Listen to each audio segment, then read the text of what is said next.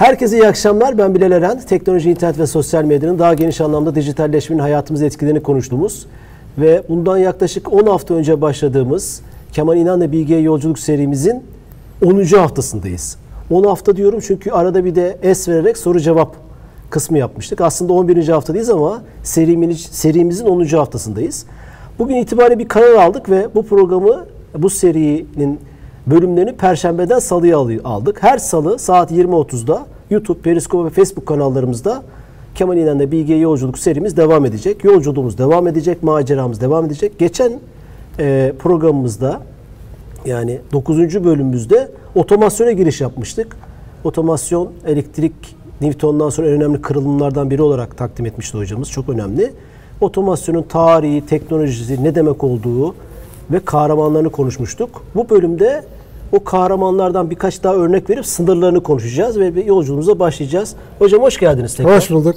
Hoş 10. Bulduk. bölümdeyiz. Hoş bulduk. Evet. Ee, bugün nelerden bahsedeceğiz? Şimdi birkaç kahramanı ele alalım. Bunların isimlerinin geçmesi şart. Tamam. Bir tanesi e, MIT'den bir hoca, bilim adamı yahut mühendis ne diyecekseniz matematikçi aslında. Norbert Wiener adında çok popülerdi ve özellikle e, kibernetik, cybernetics sözünü e, literatüre kazandıran kişi olarak bilinir. E, Hemen soralım mı sibernetik nedir hocam? Kibernetik sözcüğü e, e, cyber dümenle ilgili bir şey doğrusu ben de unuttum şeyini. Yani bir dümen çevirmeyle Kibernetikle sibernetik ayrı şey mi? Aynı aynı şey. Aynı Sibernet, şey. Sibernetik ve kibernetik yani Türkçe çevrilince o biliyorsunuz çevrilecek bir hali yok ki Sibernetik zaten. olarak çevriliyor. Sibernetik olarak çevriliyor ya kibernetik olarak çevriliyor. Ee, benim bildiğim bir e, dümen e, yönlendirme olarak geçen bir şey. Ama tam şu anda emin değilim. Bakmadım da. Şimdi Wiener bir kere adam hakkında biraz şey yapalım. 11 yaşında liseyi bitirmiş matematik derecesini, üniversite derecesini 14 yaşında almış. 18 yaşında mantık üzerine doktorasını tamamlamış. Böyle bir tuhaf adam. Dahi. Dedi yani işte şey, çok parlak bir kafa. Ee, bugün için iki tane önemli kitabı var. Bu ilk kibernetik lafını tanıtan kitabı var. Ee, bir de insanların, insanlar tarafından insanların kullanımı. Human Use of Human Beings adlı bir de kitabı var. 1950 sonra 54'te bir daha basılmış e, bu otomasyonu sosyal etkilerini orada tartıştığı bir kitap. Ama asıl bizim Norbert Wiener'in bugün önemli olarak bilindiği bir sürü matematikte konularda çok ismi geçen bir adamdır. Ama bir konuda çok meşhur olmuş bir adam. Süzgecinden dolayı Wiener filtrede bir elektronik devre, daha doğrusu bir matematiksel şey, bir elektronik devreyle e, gerçekleştiriliyor. Bir süzgeç, yani elektronik süzgeç. Bunun yaptığı işte radar işaretlerini e, süzgeçleyerek çok daha belirgin, tanınır hale getiriyor. Bu şekilde bu tabii ikinci savaş sırasında son derece büyük İkinci önem kazanıyor. Dünya Savaşı'nda İkinci Dünya Savaşı'nda çok büyük e, Alman uçaklarını enseleyebilmek yani radar ekranında çok daha açık seçik görebilmek herhangi bir üzerinde gürültü veya öyle bir şey olmadan yapabilmek. Bu tabii ben çok iyi hatırlıyorum. Benim e, İngiltere'deki e, tez hocam e, İngiltere'de bunun bir raporu varmış şeyin Wiener'ın adına Yellow Peril, kırmızı şeytan kimse anlamaz çok kazık kazık anlaşılmaz bir halde diye bilinmiş. Onun için Yellow Peril. Peril yani tehlike yahut şeytan anlamında da kullanılabilir. Öyle bir lafla geçiyormuş. E, bunun e, şeyi e, e, mucidi yani bu e, Wiener filtresinin daha sonra eğer bu süzgeç Kalman tarafından Ay'a giderken kullanılan o da Wiener süzgecinin zaman boyutu içinde gerçekleştirilmiş halidir. Belki bu adı da duyanlar vardır. Kalman filtresi süzgeci diye bilinir. Bu da navigasyonda kullanılan gürültü olduğu vakit e, yolunu kaybetmemek için o gürültüyü süzgeçleyerek giden bir olay. Bir süzgeçleyen yahut... E, Niye kahraman otomasyon kahramanlarından biri Weiner? Wiener çünkü bu kibernetik sözünden dolayı. Şimdi e, e, e, o laftan dolayı e, otomasyonun sosyal etkilerini de e, e, kullanmış. Yani insan yerine robotların yahut otomasyon yahut makinelerin gelmesiyle insanlar daha rahat bir yaşam yapacak. Bütün ayak işlerini bu makineler yapacak diyor. Fakat sonra diyor ki ama makineler sonra çok akıllanırsa bizi bu her zamanki bir benim hiç inanmadığım ve çok şişirme bir tezdir bu. Yani hiçbir şimdi de bugün Bugünkü de gündeki tartışmalar. şişirmiş, ha, o, o güzel güzel o kitabında işlemiş vesaire. Valla çok fazla bir şey vermiyorum. Burada hemen yeri gelmişken söyleyeyim. Bu belki diyeceksiniz ki senin ön yargın, belki benim ön yargım. Ee, batı kıyısındaki mühendisler ya bilim adamlarıyla doğu kıyısındakilerin bir farkı vardır. Doğudaki doğu dediğim vakit MIT ve çevresi. Bunun içine Bell laboratuvarları da dahildir. Doğudakilerinin parası hep devletten gelir. Yani devlet parası yerler doğudakiler. Batı ise kendi hemen ticarileşmeye geçip kendi girişimlerini yaparlar. Fakat şurası doğrudur ki batıda Silikon Vadisi'nde yapılan bütün işler zamanında doğuda yapılan Bell laboratuvarlarında yapılan İşlerin araştırmalara sonucu. dayanır.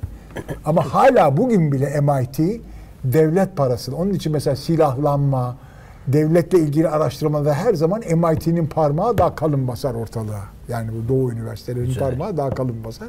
Batı biraz daha biraz daha hafif basar. Silikon Vadisi tamamen kendi otonomu otonomisi olan bir e, birimdir. Her neyse Wiener hakkında bundan fazla bir laf etme yani çok iyi bir matematikçi ve kibernetik lafını Bugünkü robot teknolojilerinin bu modern anlamda bu hale gelmesinin önemli bir Değil çünkü e, Wiener zamanında daha bilgisayarlar yeterince gelişmemişti. 1950'lerden bahsediyoruz. Yani daha öyle bilgisayarlar diye bir şey yoktu. Yani dijital olay daha patlamamıştı. Her şey analog üzerine gidiyordu. makine öğrenme Onun için miyiz? bunun Yani. dediği benim hatırlarsanız geçen konuşmamda otomatik kontrol diye bir şeyden bahsettim. Geri beslemeli otomatik kontrol. İşte o çeşit otomasyonun babasıdır. Yani yapılan işlerin çoğu süzgeçleme de dahil olmak üzere cebirsel toplama çıkarma elektrik işaretleri üzerinde toplama çıkarma ve ona benzer yahut biraz da entegral alma gibi e, biraz daha e, hani e, fiyakalı işler yapan işler var. Ama bugünkü anladığımız anlamda bilgisayarların birbirleriyle konuştuğu ve bir son derece karmaşık mantık işlemlerinin yapıldığı bu otomasyona yakın değildir. Wiener. Wiener bir önceki nesildir. Turing'de de iyi tanışıyorlarmış hocam. Olabilir. Aynı kulüpte Turing, Turing, Turing'in tabii yaptıkları çok daha büyük iş. Bulunmuşlar. Olabilir, tabii, Sunum olabilir. yapmış Turing. Olabilir. Wiener'e. Olabilir. Olabilir. Tabii bunlar hepsi Cesaret vermiş vesaire. Zamanın çok tanınmış adamları Turing'de e, e, şeyde. Ama Turing'in e, bence e, şeyi e, katkıları çok daha kalıcı. Çok önemli şeyler yapmış. Konuşacağız. Şimdi birazdan geleceğiz Turing'e de. Bir başka adamı daha burada tanıtalım. Otomasyonun kahramanlarını tanıyoruz yani. İki, iki, iki tane ka- daha şimdi birazdan öbür kahramanlara geçeceğiz. Bunlar mühendis kahramanları. Wiener de matematikçi, matematikçi aslında. Bu bahsettiğimiz alanda e, double major var. Hem iyi hem matematikten bitirmiş. Claude Shannon diye bir adam. Bu da enformasyon teorisi denilen e, e, olasılık kuramı kullanarak kodlama yani en iyi kodlama ne şekilde olur bu konulara giren bir adam ve bunun bütün bir kuramını oluşturan bir adam Claude Shannon. Ee, daha önceki katkısı Boole cebiri diye bir cebir var. Sıfır ve birlerden oluşan bir cebir. Mantık devrelerine Boole cebirinin uygulanması çok kolay çözebilmek için. Ordudayken bunu geliştirmiş. Orada çünkü mantık devreleri daha yeni yeni oluşuyor. Claude Shannon. Orada bu Boole cebirini ona uygulayan adam ama asıl büyük katkısı ki bayağı biz mesela bizde bir dördüncü sınıf dersi hem ODTÜ'de hem burada Sabancı'da dördüncü sınıf dersidir. Kolay da bir ders değildir. Enformasyon kuramı. e, teori. Onun babasıdır Claude Shannon ve çok önemli bir katkısı vardır orada çok. Claude Shannon. Claude Shannon. Bu da önemli kahramandı da ha yaptığı şeyde daha önce e, Samuel Morse belki bu adını Morse kodundan Morse biliyorsunuz. Morse ama. alfabesi diye biliyorsunuzdur. Telgraf yeni çıktığında daha bir 19. yüzyılın ortasından bahsediyoruz. Telgraf yeni çıktığında e, sadece yollayabildiği şeyler çok ilkel işaretler. Uzun uzun ve kısa bap bap bap bap şeklinde. Üç tane uzun bir tane kısa şeklinde işte SOS vesaire. Bütün Hepsinin bir harfleri bütün harfleri kodlarla ifade ederek karşı tarafa bir mesaj yollama. Morse aslında çok uyanık bir ressam. Artist adam. Ressam böyle- mı? Tabii hiç şeylikle ilişkisi yok. Öyle mühendis zaten o zaman mühendis diye bir şey de yok. Yani ama bir mucitliğe elverişli bir ressam gibi gözüküyor. Morse'un yaptığı e, bu telegraf için bir kodlama sistemi buluyor. Çok da basit. O yani mesele orada şu. Hangi harf çok geçiyorsa onun kodu kısa olsun.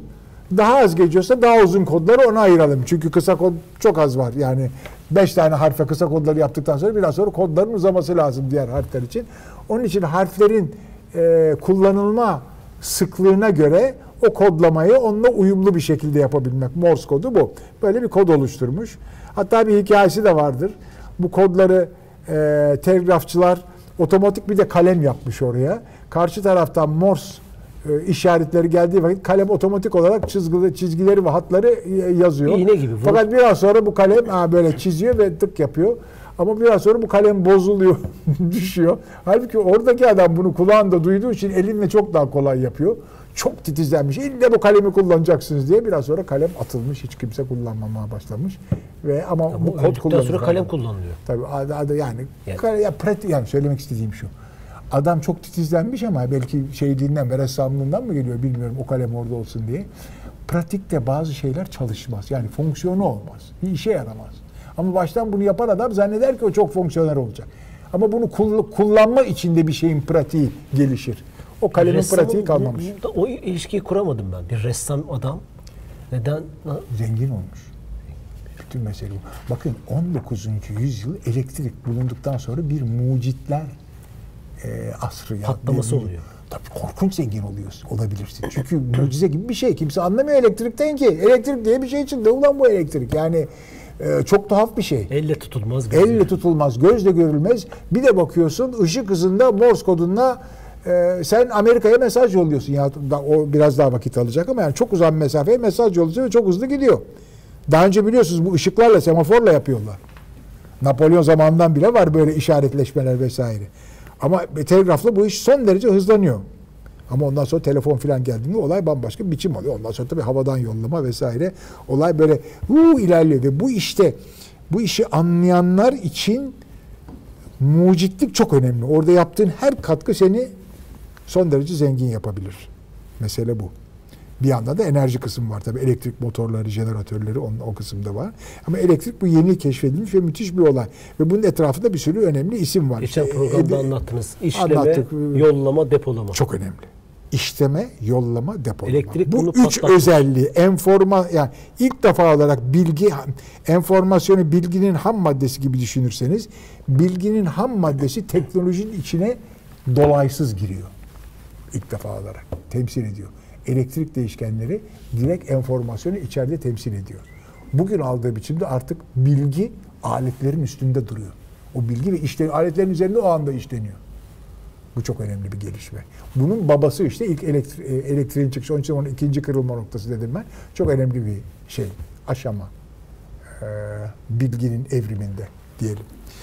Şimdi bu ne dedik? Ee, Morse alfabesinden bahsettik. Claude Shannon'la Morse'un ilişkisini anlatacaktınız. Cla- Claude Shannon'un e, bütün Morse'un yaptığı ve hani el yordamıyla yaptığı işin bütün matematiğini ayrıntılarıyla Matematiğini çözüyor. döküyor. Tabii o zaman yani bambaşka dört başı mamur bir teori halinde bu hala işte derslerde öğretilen çok sofistike adamın zaten geçmişi. Bilim haline sokuyor adeta. çok bilim haline sokuyor. Şeyin Morse'un yaptığı şeyi. Şimdi bundan sonraki konumuz aslında son derece önemli. Bu konu iyi bilinmediği için, iyi takdir de edilmediği için insanlar çok kolay uçuyorlar. Ne de uçuyorlar? Gelecekte şu da olacak, bu da olacak, onu da yapacağız, bunu da dur, dur, dur, frene bas. Frene bas. 20. yüzyılın imkansızlık teoremleri var. Bazı şeyler 20. yüzyılın. 20. yüzyılda çıkıyor. Daha önce yok. Daha doğrusu 19. yüzyılın sonunda matematikte bu tür gelişme, bu tür şeyler hafif yol açan gelişmeler var ama asıl 20. yüzyılın matematikçileridir. Bu olayda bakın şimdi bakalım. Dört tane benim burada bahsetmeye değer kitabımda da kullandığım dört süvari diyorum bunlara. Çok önemli, çok büyük dört matematikçi var. Bir tanesi Prusyalı David Hilbert, öbürü Avusturyalı Kurt Gödel, ondan sonra İngiliz Alan Turing ve ondan sonra Macar asıllı fakat daha sonra Amerikalı John von Neumann. Hepsinin çok önemli yerleri var 20. yüzyılda bu dört matematik. Niye seçtiniz bu dörtlüyü? Maçların dört Çünkü bunların bunların bunların bütün şeyi bu otomasyonla ilişkilerinden. Yani otomasyonun sınırlarını belirleyecek sonuçları veren adamlar bunlar. Problemi ortaya koyan Hilbert. 1900 yılında Hilbert şeylerin hani vardır ya her disiplinin bir tane baş patronu vardır. Öyle baş patron konumunda müthiş prestiji olan bir adam. 23 tane 1900 yılında 1900 yılı çok önemli tamam 20. yüzyılın başlangıcı. Çözülmemiş e, problemden olsa bir liste yayınlıyor Hilbert. Bakın arkadaşlar bu problemleri artık çözme vaktiniz Matematik geldi. problemi. Matematik problemi. Ondan sonra Bu problemlerden 10 tanesini Paris'te alan bir uluslararası matematikler kongresinde sunuyor. Bunların mesela ikincisi çok meşhur olan ikincisi matematik problemi. Aritmetiğin aksiyomları tutarlı mı değil mi? Ne demek bu? Birazcık şöyle matematiksel şeye girelim. Aksiyomlar baştan doğruluğu kabul edilen önermelerdir. Önermeler belli kurallara göre hazırlanan, belli kurallara uygun bir şekilde olan mantıksal bir semboller dizisidir. Ama o kurallara uyacak sentaksı diyoruz buna. O kurallara uygun şeylerdir. Aksiyonlar doğruluğu kabul eden önermeler. Bundan siz teoremler oluşturursunuz. Bu doğruysa bu da doğru, bu doğruysa bu da doğru diye böyle bir zincirleme gidersiniz. Şimdi teoremler oluşturursunuz. Ve bir aksiyondan hareketle e, bir, bir ikinci bir doğru olabilecek bir önermenin nasıl olduğuna dair bir takım kurallar var. E, Tamam. Bunun ne olduğunu ayrıntısına girmeyelim. Bu şekilde böyle böyle gidiliyor. Bu kurallar oluyor. Şimdi bütün dediği bu şeyin Hilbert'in aritmetiğin aksiyonları tutarlı mı değil mi? Ne demek tutarlı? Aynı aksiyondan hareket ediyorsun. Bir mantıksal önermeyi ispat ediyorsun. Ama onun tam tersini de ikisi birden doğru olamayacak şeyi ispat ediyorsun tutarsız. 2 eşittir 3 gibi bir şey bu. Aynı. Aynen o. 2 eşit 3 olamayacağına göre bir şey ya tersi doğrudur ya kendi doğru. İkisini birden ispat ediyorsun o zaman senin aksiyonların tutarsız demektir. Ama aksiyonların tutarlı olduğunu ispat edin sıkıysa diyor. Matematik aritmetiğin aksiyonları. Herkes biliyor ki tutarlı hiçbir zaman birbirine ters şeyler çıkaracak bunu ispat edemiyorlar. Bu, bu problemi orta böyle en e, tuhaf problemleri ortaya atan adamlardan bir tanesi. Yani Yani adam matematiğin özüne çünkü 19. yüzyılın artık sonuna doğru matematik sadece fizikte kullanılan bir alet, bir aygıt değil, kendi içinde bir düşünce disiplini. Bu düşünce disiplini sağlam temellere dayalı mı, değil mi? Bu mesele üzerinde Hilbert şey yapıyor. Ve Hilbert şuna inanıyor baştan beri. Çözülemeyecek problem yoktur. Matematikte her problemi çözeriz. Herhangi Diyor. bana bir e, önerme ver. Bunun doğruluğuna ya yanlışlığını ben ispat ederim. Hatta diyor ki madem bunu ben bunun ispat edileceğini biliyorum. Bu işin mekanik de bir yolu olmalı uzun bile sürse. Yani o sırada bir kafasında bir otomasyon resmi de herhalde var. Bunu dedi, bunu dedi. Çözemeyecek problem yoktur diyor bu şekilde. Ve e, 1928 bakın 1900 yılında bunları söylüyor. 28 yıl sonra Hilbert maşallah hala saat afiyette e, meşhur bilinen bir problemi. Üçüncüsü Entscheidungsproblem. Karar problemi. Karar problemi nedir? Karar problemi şu. Cevabı evet ya da hayır olan problemler. Yani cevabı bir sayı değil, bir optimizasyon problemi. Cevabı evet ya da hayır olan problemler biz karar problemi diyoruz. Bir karar problemi. Cevabı evet ya da hayır. Şu problem herhangi bir kurallara uygun içinde aritmetiği de içeren bir mantıksal önermenin doğruluğunu veya yanlışlığını formel mantığın kurallarıyla ispat edebilir miyiz? Bunun cevabı ya evet ya hayır. Ya Genelde. Herhangi böyle bir mantıksal önerme verdiğim vakit sentaksı doğru yani kurallara uygunluğuna onu kastediyoruz. Bunun doğruluğunu yanlışlığını ispat edebilir miyim? Hilbert inanıyor muhakkak bunu ispat edebiliriz diyor. Ondan sonra burada otomasyonun zihinsel sınırlarını mı konuşuyoruz? Evet, Bu tabii. örneklerden ne? Bu örneklerde Bu otomasyonu şey. Çünkü önemli? en de sonunda biz ne yapıyoruz? Bütün mühendisliğin, bilimin arkasında matematik yatıyor. Başka bir şey yatmıyor. Matematiğin de kendine göre mantık kuralları var. O mantık kuralları içinde belli şeyleri gösteriyorsun sen. Ve bilim onunla ilerliyor. Einstein ne yaptı? Daha de, şey deneyini bile bilmiyordu. Sırf matematikle gösterdi. Her şeyi kendi matematikle ilerliyor. O halde bizim kullandığımız matematik diye bir aygıtımız var. Bunun kendine göre aksiyonları, aleti, edevatı var. Bu olay tutarlı yani. Bu olay güveneceğimiz bir olay mı? Altımızda üzerinde oturduğumuz te- temel sağlam mı değil mi? Bu kadar basit.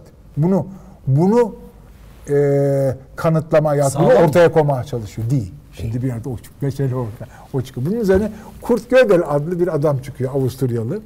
Ondan sonra şunu diyor. Okuyorum buradan. Etkin etkini boş verin. Yani hesaplaması açık seçik olan. Etkin o demek. Yani her basamağı açık seçik olan. Kurulan ve temel aritmetik ifadelerini içerebilen bir teori hem tutarlı hem eksiksiz olamaz. Tutarlı ne demek? Tutarlı olamaz zaten hiçbir işe yaramaz. Yani onun tersini de ispat edebiliyorsun. Kendini de ispat edebiliyorsun. O tutarsızsa zaten önemli. Ama eksiksiz olamaz diyor. O şu demek. Öyle önermeler vardır ki doğru olsa bile sen bunun doğruluğunu ispat edemiyorsun. Vay. Doğruluğunu ispat edelim. İspat edemiyorsun. doğru olsa bile. Ama doğru olduğunu bazen bilirsin, bazen de bilmezsen o zaman daha büyük bir cehalet içindesin. Yani senin çözemeyeceğin bir matematik problem çıktı. Hilbert'i öldürür bu olay. Anlatabildim mi? Buradan hareket ediyor. Ondan sonra matematiğin içinde buna benzer, şimdi burada ayrıntısına girmeyeyim, tutarlılıkla ilgili müthiş paradokslara giriyor vesaire. Gödel şunu gösteriyor bize. Yani bizim bu o, eksiksiz sandığımız ve her şeyi e, çözebileceğimizi sandığımız mantık kuralları adım adım ilerleyerek böyle tank gibi giden mantık kurallarıyla çözemeyeceğimiz problemler var. Yani hemen soru şu bu çözemeyeceğimiz problemler ciddi mi? Hakikaten biz ciddi bazı Bir problemleri örnek çözemiyoruz. verelim mi hocam? Ne, şimdi geleceğiz örneğe. Biraz sabredersen örneğe geliyoruz. Çünkü bu örneği e, e, Gödel'in bunu ispatını bir baksan o ispata e, müthiş paradokslar oluşturar falan yani bela bir ispattır. O, o, o ispattan çıkacak örnek kimseyi tatmin etmez ama başka bir adam. Geliyoruz ikinci büyük kahramana. Alan Turing.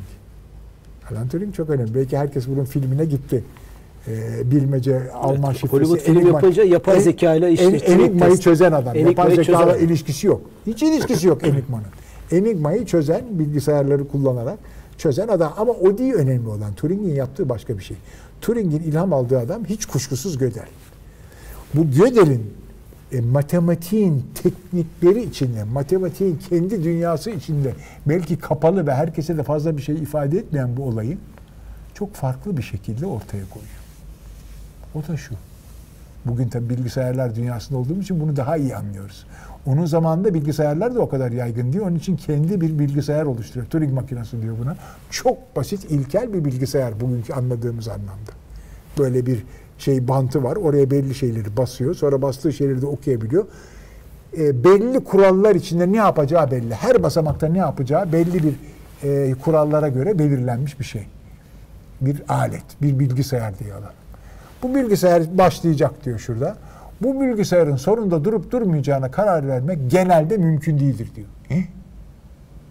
Bu meşhur Turing'in halting yani durma problemi olarak biliniyor. Şimdi bu basit bir durma problemi olarak görüyoruz ama hemen hemen Bunu bilmiyoruz pek mesela. Genelde şeyi besliyor. Yani makineler de insanlar gibi düşünebilir mi? Hani Turing o, testindeki o, o tamamen anlamsız bir soru. Makinelerin insanlar gibi düşünüp düşünmeyeceği beni çok fazla çeken bir soru. Halbuki bu çok önemli bir soru. Siz makineyi ne yapacağınız yani bir sonraki basamağı istediğini istiyorsan bin basamak ilerle. Makine sonunda duracak mı durmayacak mı kardeşim? Bin basamak gittin durmadı. 2000 basamak daha gittin durmadı. 10 yıl müddetle gittin durmadı. Belki 48 yıl sonra duracak. Ama bilemiyorsun başta. Bunun adı decidability. İşte bu şeyin problemi. Yani e, çözde bu problemi çözebiliyor musun, çözemiyor musun? Bu durma şimdi bu durma problemi basit gibi geliyor. Ama mesele şu.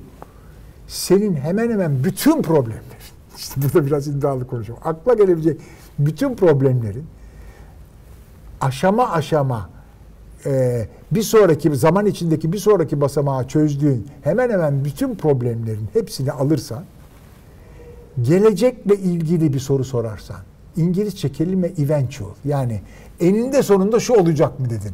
Eninde sonunda bunun alacağı sayı değer 5 olacak mı? Eninde sonunda bu bir periyodik bir e, şey yörünge oluşturacak mı? Eninde sonunda bu sonsuza gibi. Eninde sonunda şu değere gidecek. Eninde sonunda duracak mı? Bütün bu eninde sonunda diyorum bakın ben diyorum. Bütün bu soruların cevabı genelde çözülemez problemler. Mesela bunun en güzel problemlerinden bir tanesi yaşam sorunu. Ee, Conway's e, yaşam oyunu diye bir şey var. Bir takım hücreler veriyorsun yan yana duruyor. Birazdan o konuya da gireceğiz. Bir- çok basit birkaç tane kural veriyorsun. Herhangi bir siyah kare var. Etrafında beyaz kareler var. Bir siyah karenin etrafında e, e, pardon bir beyaz karenin etrafında iki veya daha fazla siyah kare varsa o da siyah oluyor canlanıyor. Ama et, siyah olduktan sonra etrafında üçten fazla siyah kare varsa uyduruyorum şimdi kurallar böyle değil ama o zaman da ölüyor. İlk başta ben bütün bu siyahları beyazları koyuyorum. Yaşayan hücreler siyah, ölüler beyaz. Bu yaşam büyümeye başlıyor yavaş yavaş. Her basamakta biraz önce söylediğim kuralları uygula, uygula, uygula. Çok basit bir soru soruyorum. Bu yaşam eninde sonunda ölür mü hepsi birden? Yoksa ilelebet devam eder mi? Cevabı yok. Birçok soru böyle cevabı olmayan e, e, sorulara indirgenebiliyor. Bu tabii şu demek e, bir bilgisayar programı öyle bir bilgisayar programı yaz ki kardeşim dedi sen gittin çalıştığın yere senin patron öyle bir bilgisayar programı yaz ki dedi bu bilgisayar programı herhangi başka bir bilgisayar programını alsın ve bunda bir hata olup olmayacağını takılıp takılmayacağını bana söylesin. Var öyle programlar. Yok. Böyle program yazmak mümkün değil. Genelde yok bak. Bunu çok önemli. Belki özel bir durum için bunu yazabilirsin. Ama genelde herhangi bir bilgisayar programını alıp onun hata Spesifik yapıp var tabii. Tüm dünyadaki bütün yazılımları kontrol edecek hali yok ama. Ay bütün dünyadaki ama yazılımın ne olduğunu ben söylüyorum. O yazılımın kurallarını da veriyorum. Benim programım onu alıp sonunda o programda hata olup olmadığını çıkaracak. Genelde. Deadlock dediğimiz bir şey var hocam bilirsiniz. Ne var? Deadlock dediğimiz bir şey var. Yani De- Deadlock çok basit bir soru. Deadlock. De- de- Deadlock ya live lock da vardır Evet, canlı onu şeyi. kontrol eden Onu kontrol. var. Ama o değil. Mesela Anlamadın bir görevi bu olan. Ne, tamam ama bu ben onu demiyorum. Bu, bu. Bir, o bir tane pro- çok spesifik durumda o deadlock problemini çözüyor. Benim dediğim herhangi bir bilgisayar programını bunu insanlar tam iyi anlıyor. Herhangi bir bilgisayar programını biraz sonra yani eninde sonunda bir yerde takılıp takılmayacağını herhangi bir bilgisayar bak bunu hep herhangi lafını kullanıyorum genel genel bir bilgisayar programı bir yerde takılıp takılmayacağını karar verebilecek decision problem bu yani karar problemi buna karar verebilecek bir e, program. Bunun için Turing'in katkısı şu çok basit bunu da söyleyeyim. E, e, e, Turing'den sonra von Neumann aslında bunun bunun babası von Neumann olarak bilinir ama Turing'e de şey yapalım. Yazılımla donanım arasındaki fark yapıyor. Öyle bir Turing makinesi yapalım ki bunun adı evrensel Turing makinesi. Evrensel Turing makinesinin özelliği şu. Sen onun üzerine bir başka Turing makinesi koyuyorsun. Bütün tanımlarıyla. O evrensel Turing makinesi o Turing makinesini kukla gibi işletiyor. Yani onu şey yapıyor. Bu bir yani o şekilde Turing makinesinin kendi bir yazılım olarak giriyor senin evrensel makinenin içine. Evrensel makine bir bilgisayar gibi düşün. Evrensel Turing makinesi. O halde e, başka bir kelime kullanayım burada. Bir Turing makinesi bir algoritmadır. Bir Turing makinesi. Sonunda bir algoritma. Algoritma nedir?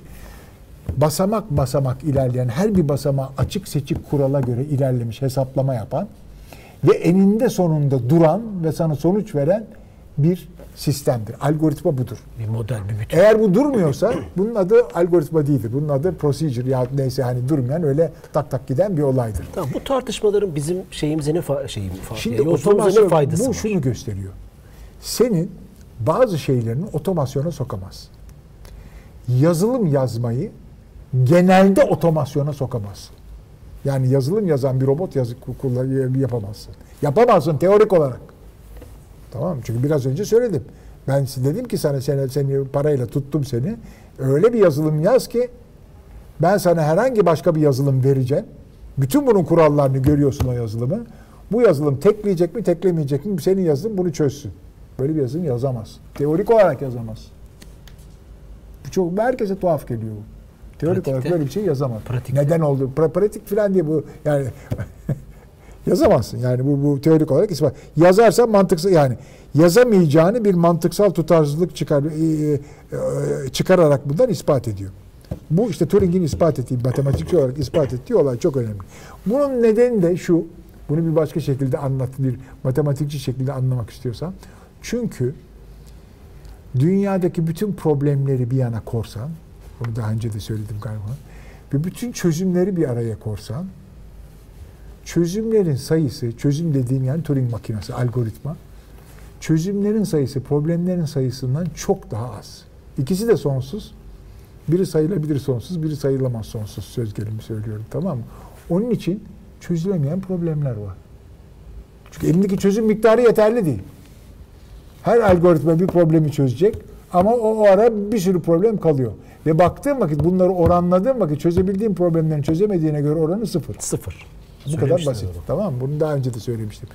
Bu ama bu e, Lucas şöyle bir şey demiş bu Turing'e o yaptıktan sonra 1900 e, Lucas adlı bir adam. Zihinler, makineler ve Gödel başlıklı felsefe makalesi pardon Gödel'den ilham alarak demiş. E, e, e, öyle bir matematik e, önermesi vardır ki algoritmik bir otomat bu önermenin doğruluğunu ispat edemezken bir insan bu formülün doğruluğunu hem görebiliyor hem de gösterebiliyor. O halde insanlar belki e, otomatlardan daha üstündür. Yani yine otomasyonla ilgili bir laf ediyorum bak. Yani demek ki bazı otomasyonun çözemediği şeyi insanlar çözebiliyor. Nasıl çözebiliyor açık değil. Ben bunu kabul etmiş değilim. Lucas'la da hemfikir de değilim burada ama bunu sadece söyleyelim. Böyle bir şey söyleyeyim. Hocam bu bütün bütün bu hani çok teknik bir program oldu bu program. Tabii. Bir örnekle e, şey yapalım mı?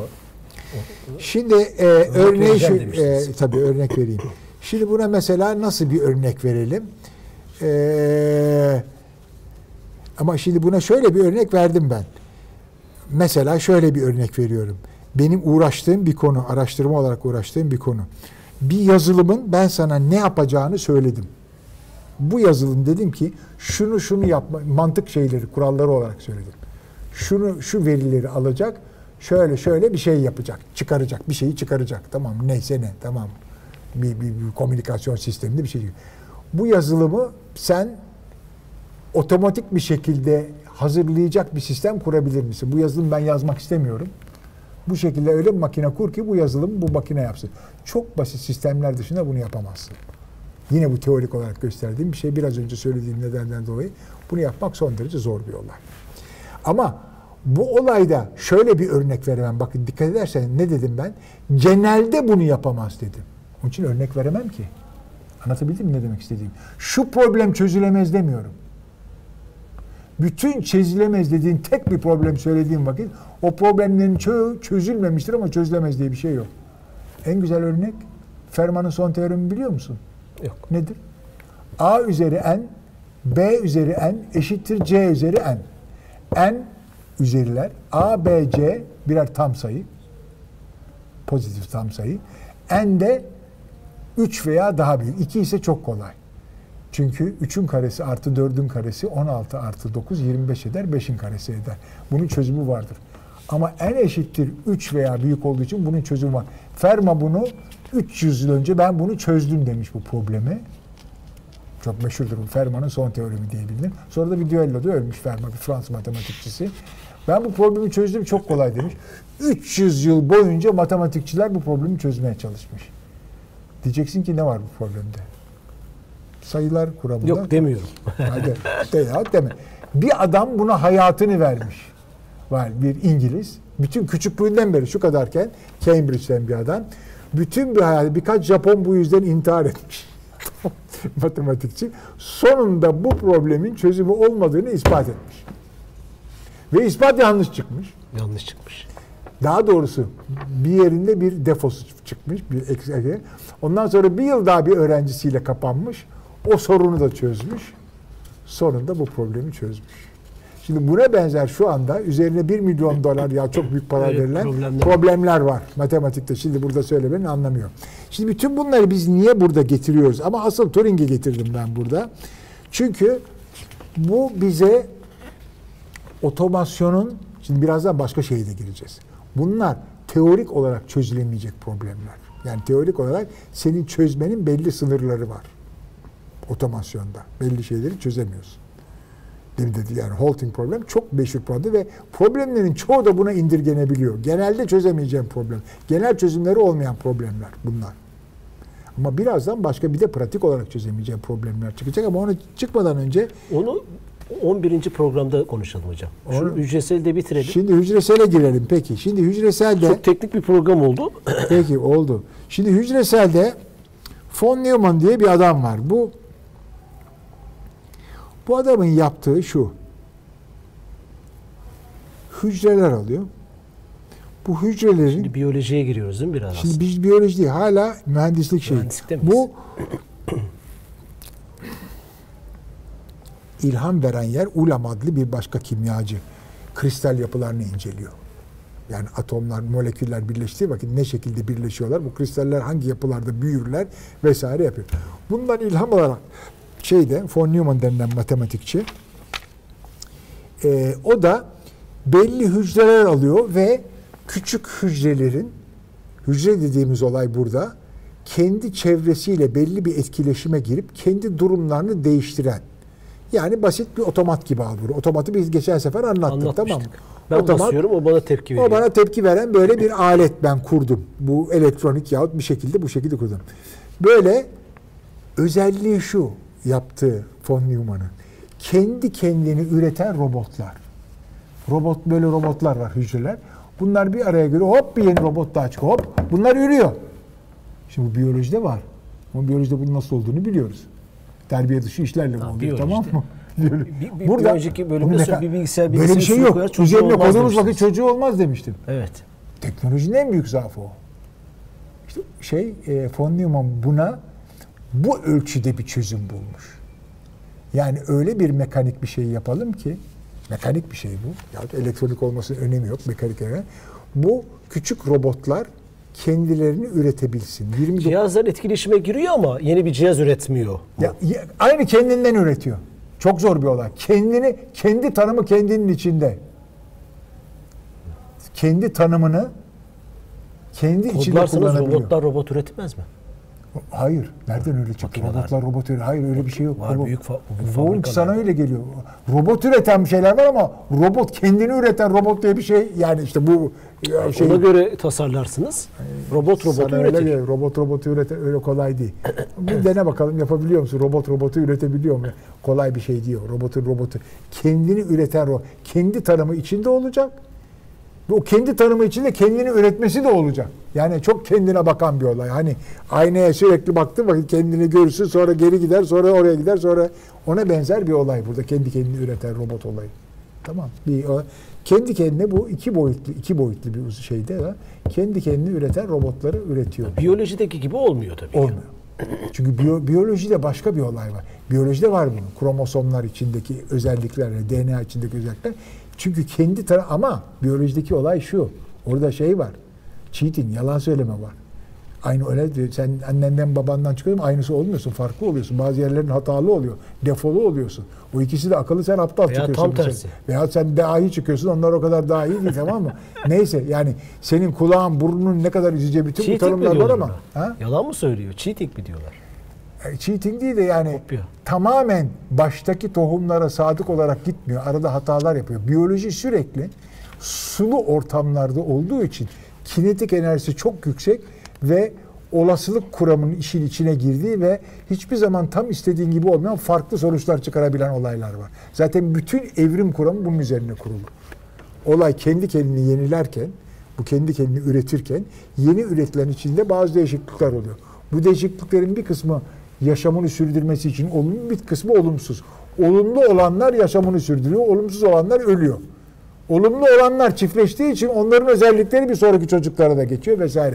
Bütün O zaman hocam insan ve makine, makine arasındaki biyolojik sınırları bir başka bölüme şimdi her çeşit şeyi bir başka bölüme attık. atalım olur mu? Tamam şimdi attı. Şimdi Von, e, von Neumann'ın bu tasarımını bu kadar yeter bence. Von Neumann'ın bütün aslında ha şimdi ikinci bir şeye daha gelelim burada. Şimdi sen birazdan pratik şey istedin değil mi? Pratik şey. Bir de pratik olarak çözülemeyecek problemler var. Şimdi bu şey hücresel otomata girdik. Tamam hücresel otomat yarın öbür gün ne diyorlar? Şey e, bilim kurgu kitaplarını okuyorsun. Senin içine e, küçük robotlar gelecek, nano robotlara gelecek. Senin içinde bunlar üremeye başlayacak ve senin sorunlarını çözecek. Ve sen 5G yahut 6G komünikasyona geldiğin vakit sadece buzdolabına zerzevat almak için otomatikman sipariş vermeyecek ama akciğerinden sinyal gelecek. Dikkat et kanserli hücreler yaklaşıyor derhal şu ilacı al diyecek. İçerinden sana bir mesaj gelecek içerideki nano robotlardan. Tamam, Mesela diye söylüyorum. Onun için bu küçükler dünyasında kendi kendini üreten sistemler kurmak çok önemli. Mesela ne diyoruz sen? Ee, e, şey yolluyorsun. Ee, söyle adını. Mikrop yolluyorsun sağa sola. Yani bilgisayar mikrobu yolluyorsun sağa sola. Virüsler. Virüsler yolluyorsun. Nedir o virüs? Kendi kendini üretiyor. Kendi kendini üreten sistem değil mi o? Virüs o. Kolay mı zannediyorsun? Yani bilgisayar kendi kendi çünkü o virüs orada yuvalanıyor. Oradan başka bir yere bir tane daha yani. O kendi kendini üretme de kendi tanımı içinde. Ağların içine dağılıyor. Ağların içine dağılıyor falan falan. Bütün. Şimdi bu, bu bir yana bırakalım. Bu çok önemli bir olay. Çünkü teknoloji ile biyolojinin birleştiği bir tek benim bildiğim olay bu. Başka yok. Bu von Neumann'ın bu katkısı kendi kendini e, üretmesi e, bir herhangi bilgisayar sisteminin tamam bilgisayar sistemi buna benzer bir sistem bir otomasyon sisteminin kendi kendini üretebilmesi e, çok ilkel bir şekilde oluyor. Biyolojik bir şekilde olmuyor. Farklı bir şekilde oluyor. Başka da örneğini bilmiyorum burada. Bu derste de öğrettiğimiz bir şey. Benim de Varsa öğrettiğim- örneğini bilenler bize yazabilir değil mi hocam? Tabii varsa örneğini bilenler burada yazabilir. Ama bu şeyin e, teorisi bilinen bir olay. Şeyde de bilgisayar kuramında da recursion teori diye yani önemli bir olaydır. Bilgisayarın e, kendi tanımını üreten ve ona göre giden, onu kullanabilen programdır. Oradan da tuhaf tuhaf şeyler çıkar o tür program yazabildiğin için. Şimdi başka bir şeye girelim. Bu kere daha anlaşılır. Bu şimdiye kadar Turing makinesi anlaşılmaz gibi gözüktü. Aslında çok önemli bir olay. Çünkü belli, çok ciddi sınırlar çiziyor yapabildiğin şeyi. Bir de şey var, hesapsız kompü- e, karmaşıklık var. Yani güzel çözüyorsun problemi, aferin. Mesela bir problem alalım, bir problem. Çok e, şeyden, sıradan bir problem. E, seyyar satıcı. Seyyar satıcı problem. Seyyar satıcı problemi şu. Seyyar satıcı var. Ne tane de şehrim var. 60 tane şehrim var. Bu şehir, iki şehir arasında bir mesafe var. Tamam mı? Sen o mesafede bir benzine diyelim ki sen bir vasıtayla gidiyorsun. Belli bir benzine karşılık geliyor. Sen bütün bu şehirlerin hepsine uğrayacaksın ve sonunda başladığın yere geri döneceksin. Benzin miktarı da sınırlı. Bu işi yapabilir misin, yapamaz mısın? Yeter mi, yetmez? En iyi yolu bul. En iyi yolu bul. Burada en kısa yolu bul. Kısacası En o, o kısa şekilde güzel ifade edildi. Ben benzin diye biraz daha olayı şey e, pratik bir şey getirdim ama en kısa yolu bu. Bu işi Navigas- kestirme yolu yok. Ne demek kestirme yolu yok? Bütün dizileri alacaksın. Permütasyonları. Kaç permütasyon var biraz var mı? Buradan Evet. sana söyleyeyim sana buradaki permütasyon sayısı. Ha bu bir Mesela n eşittir 50 olduğu vakit 10 üzeri 64. 10 üzeri 80 kainattaki elektron ya atom sayısı. 10 üzeri 64 tane hesap yapacağım. En hızlı bilgisayar için burada yazmışım. Ee, 10 üzeri 36 milyar yıl gerekiyor bunu hesaplamak için. Kaç tane şehir için dedim bu? 50 şehir için. Türkiye'de kaç şehir var? 80 şehir var. Anladın mı işte? Bu, bunun adı hesaplama karmaşıklığı problemin boyutuna göre, buradaki şehir sayısı problemin boyutu, hesaplama miktarı üssel olarak artıyorsa, yani bir sayının üssü olarak artıyorsa, bu çeşit problemlere intractable yani çözülemez yahut çok zor çözülür. Yani büyüdüğü vakit problem e, şeyden çıkar, çığırından çıkar. süper kompütürler var. Süper ne kadar ne dedim sana? Google. En süper kompütürle 10 üzeri 36 milyar yıl. Süper kompütürlerle bu paralel kompütürler var, süper kompütür bütün bunlar var tamam. Bir de paralel hesaplama diye bir şey var. Aynı anda birçok şey aynı anda ne yaparsan yap. Sorunlar büyüdüğü vakit çözümler zorlaşabiliyor bazı. Ve birçok so- problem de bu özelliklere sahip. Bunun adı da hesapsal karmaşıklık. Bu niye önemli? Bunu niye Harari'ye anlatmamız lazım? Çünkü biyolojik problemlerin büyük bir kısmı bu özelliğe sahip. Hesapsal karmaşıklığı çok yüksek. Aynı anda çok sayıda paralel hesaplama yapman lazım. Çünkü paralel gidiyor. Moleküller paralel çalışıyor. Sırayla git. Önce bu molekül sonra bu molekül diye gitme. Aynı anda hepsi çok fazla sayıda hesap etmen lazım. Harari Senin ne diyor? Harari. İnsanın insan beyninin içine, insanın beyninin içine girip özgür iradesini Evet, tamam. öğreniriz ya kontrol ederiz. Yapamazsınız diyor. Yapamazsınız Ben de diyor. yapamazsınız diyorum. Çünkü bu nedenden dolayı diyorum ben. Chomsky başka neden söylüyor burada? Chomsky diyor ki bu olay insanlar için her zaman bir Misteri. gizem olarak Misteri. kalacaktır diyor. Bu ada. Ben diyorum ki belki gizem değil, belki burada bir nedensellik var. Biz de doğanın bir parçası olduğumuza göre bizim hoş burada tabii kuantum vesaire girdiği vakit olay daha karışık ama bir an için öyle değil.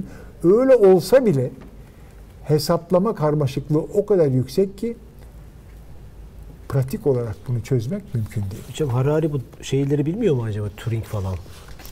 Valla bana ben de David- bilmiyor. Ben de Bil- bilmiyor şeyi. Hilbert, Alan Turing, Neumann bunları bilmiyor herhalde. Biliyor. Biliyordur da yeterince şeyi. Bir de şu var yani eee, bu konuda çok cömert, sadece Harari değil, teknik bilgisi olanlar da bu konuda çok güzel şey yapıyor. Havaya giriyor. Hocam Bunu- şimdi o dünya kamuoyuna çıkarılmış birisi Tabii. böyle böyle şeyler söylemesi lazım. Tabii Yani siz ne bir şey derseniz, söylüyor yani derseniz bu çok yani ben de zaten şöyle diyorum. konuşur. Ben 3 milyara de- konuşamaz. Ben de diyorum ki ben de diyorum ki ben de buna inanmıyorum. Böyle olacağını sanmıyorum.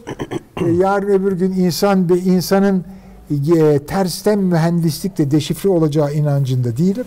Biyolojide Çok tersten mühendislik. Biyolojide tersten mühendislik çok zor bir olay. Ee, hele insan beynini deşifre yani insan yani o karmaşıklıkta bir şey ki çok karmaşık bir şey. Tersten mühendislikle bütün nedenselliğini anlayıp yeniden onu üretebilecek bir e, bilgiye sahip olacağımıza inananlardan değilim. Çünkü sırf bu hesaplama karmaşıklığından dolayı olayın karmaşıklığı bizim tahayyül boyutlarımızın çok ötesinde diyorum. Şimdi burada Matematiği bile çözemezken biyolojiyi nasıl çözeceğiz diyorsunuz. Tabii. Bir anlamda.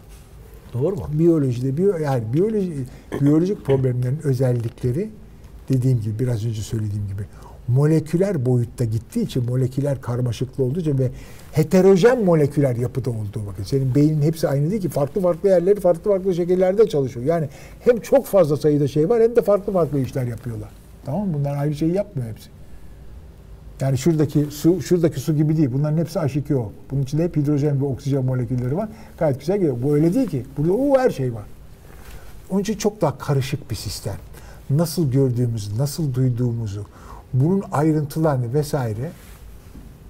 Ha ne yapılıyor? İnsanlar buradan çok kolay kanıyor. Senin beynine elektrot koyuyorlar ve sen belli bir şeyi düşündüğün vakit o elektrotlara belli sinyaller geliyor.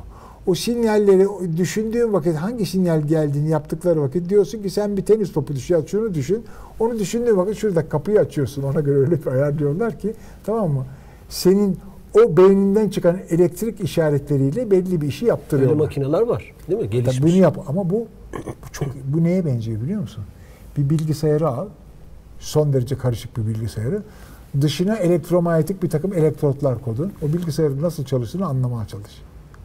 Bunu herhalde bilgisayarcılardan biri sana güler. Onun içinde inen bütün mekanizmaları dışarıdan kodun böyle şeylerle anlatmak çok zor ki bilgisayardan çok daha karışık bir olay. insan beyninden bahsediyorsun. Ama bunu sadece diyen şey herhalde şey değil. Mesela Kurzweil, Google'un baş mühendisi. O da buna inanıyor. Yani insan beyni. O ne diyor? Unutmayın daha önceki programda bunu konuştum. Ray Kurzweil. Google'un mühendisi, Singularity e, e, University işte kuruyor ve onun dediği önce insan beynini deşifre edeceğiz. Çok güzel. Tersten mühendislikle. Sonra bunu silikonlar üzerine işleyeceğiz. Çok güzel. Çok daha hızlı bu işi yapacağız. O halde insan beyninin aynı işleri yapabilen o o yeteneğe, o beceriye kavuşan bir makine oluşturacağız. O makineler çok daha iş- e, hızlı işleyeceği için insandan çok daha süper olacak. Ondan sonra insanı da biyolojik olarak öyle bir değiştireceğiz Süper ki bu insan. makinenin özelliklerini tekrar insana işleyeceğiz. Çok daha süper bir insan yapacağız. Cyborg yapacağız. Ya neyse ona benzer bir isim veriyor falan. Ben bunun fantazi olduğu görüşündeyim. Ama tabii Kurzweil'in birçok görüşü fantazi. Kendi bir evolution, bir e, e, biyolojiyle ilişkisi olmayan kendine göre bir evrim teorisi var. Ki inancı var. Bir inancı var. Geçmişten beri information, atomlar şöyle gelmiş. Güzel. Bunların hepsi hikaye ama yani inandırıcı fazla bir tarafı yok. Bir bilimsel yani bilim adı vereceğim bir taraf da yok. Ama bu bir iyi bir fantezi. Üzerinde düşünebilirsin. Ama mesela bazı şeyleri, söylediği şeyleri ciddiye alabilirsin. Mesela sonsuz ömür konusunda. 2045'te olacak. Bu olabilir. Bunun üzerine bir buna karşı gelecek bir teorem şu anda ben bilmiyorum. Yok öyle bir şey. Çünkü bunun için Sonsuz insanı ömür olabilir yeniden diyorsunuz ama insan manipüle edilemez diyorsunuz. Hayır bak insanın beyninin içine girip bütün nedenselliği anlaşılamaz diyorum ama sonsuz ikisi sonsuz ömür çok daha kolay bir olay. Bütün mesele senin hücrelerinin yenilenme meselesi çözülmesi. Yani basit dediğim basit dediysek çok da basit değil yani. Siz sadece hücre miyiz hocam? Siz bir karmaşıklıktan bahsediyorsunuz. Tabii. Ama sonra bizi bir hücreye Ama sonra- indiriyorsunuz. Bilinç Hayır, hayır. var, özgür irade var, ruh var. Hayır, hayır. Vesaire vesaire yine yani diye. Orada frene bas tamam mı? Güzel olabilir ona inananlar var. O, o, o mesele o, o- o- o- tabii ki karmaşıksın. Ama senin kendini nasıl yaşlandığın, ay bu bilim dalı. Geriontoloji ya ne deniyor bu ihtiyaç. Yani hücrelerin artık kendini yenileme kapasitesini kaybediyor. Ayrıca doğada var hiçbir zaman ölmeyen şeyler. Onun bir de örnek var önünde. Bitkilerde de var, hayvanlarda da var. Hiç sürekli kendini yeniliyor. Ölmüyor. Niye? Ölmek zorunda mısın? Saçların öyle bir şey veriyorum ki sana öyle bir treatment, biyolojik treatment yapıyorum ki biraz sonra tekrar e, güzelleşiyor cildin. Saçların daha sık çıkmaya başlıyor. Benim saçlarımın beyazı bitiyor. alt- Altından siyahlar çıkma. Ne söz gelimi söylüyorum tamam mı? Ona benzer olabilir. Önce 200 yıla artırırsın ömrü. Ondan sonra 300 sonra ben mesela 3000 yılı hedeflemiştim kendime. Tamam. Tabii buradaki sorun sorun burada e, ömrün sonsuz olmasının e, biyolojik olarak halledilmesi değil. Bunun yaratacağı sosyal sorunlar o kadar büyük olur ki mesele onun üzerinde durmak lazım. Mesele oradan kaynaklanıyor ama yani bu olayda yavaş yavaş bu, bu- zaten buraya doğru giden bir eğilim var. Göreceğiz biyoloji nereye kadar gidiyor. Sentetik biyoloji vesaire. Ama çok zor bir konu olduğunu söylüyorum. Yani ve ka- karşında duran en ciddi problemde müthiş bir otomasyon giriyor. Yapay zeka işin içine giriyor bu problemleri çözmek için. E, çünkü e, problemin özünde müthiş bir hesapsal karmaşıklık var. Biyolojik problemlerin hepsinde. Hepsinde. Onun için o başlı başına bir problem. Şimdi buradan insana ilişkin bilgi karmaşıklığı ile ilgili bir şey söylüyorum. Şimdi bak. Burada Bir daha sonraki önce programa bırakalım mı hocam? Ha? Bir sonraki program. Hadi bırakalım. Geçti? Bu kadar Öyle bit- bitirdi oldu. Biraz bayağı ilerledik. Peki oldu. Ee, nerede kaldık? Merak da İnsana ediyorum ilişkin bilginin karmaşıklığı. Bilginin Özgür, sonra Libet deneyine geçeceğiz. Ondan önce Libet insana ilişkin konuşuruz. bilginin karmaşıklığı. Libet özgür deneyi. irade, insan bilinci ve Turing testiyle bitiririz. Tamam, Haftaya Turing. o zaman e, yani 11. bölümde görüşmek üzere. E, iyi akşamlar.